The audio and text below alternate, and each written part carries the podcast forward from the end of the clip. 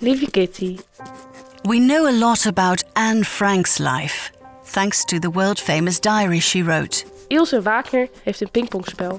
En de grote eetkamer van de Wagner... But until recently, we knew little about the fate of many of her friends, classmates, and girlfriends. From almost all the friends and girlfriends mentioned in the diary, I was able to find out what happened to them. Almost all of them. Research has revealed what happened to some of them during the time that Anne was in hiding in the secret attic. Het is niet Ilse. Nee, ik weet niet.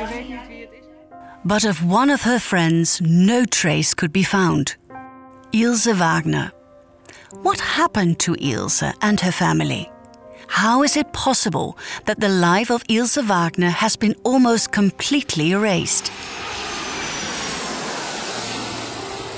In this podcast, the makers travel around the world to speak to the last surviving eyewitnesses. Om zaterdag ging Anne naar school en ik They do research in various countries and dig out the war archives. What happened to Ilse Wagner and her family? Ja, ich habe hab sehr viele Geschichten gehört, die mich sehr äh, mit großer Scham zum Teil berührt haben. In the podcast Erased, we take you with us on a worldwide journey to search for Anne Frank's lost girlfriend, Ilse Wagner. I think one feels a certain kind of responsibility For more information, go to audiodroom.nl.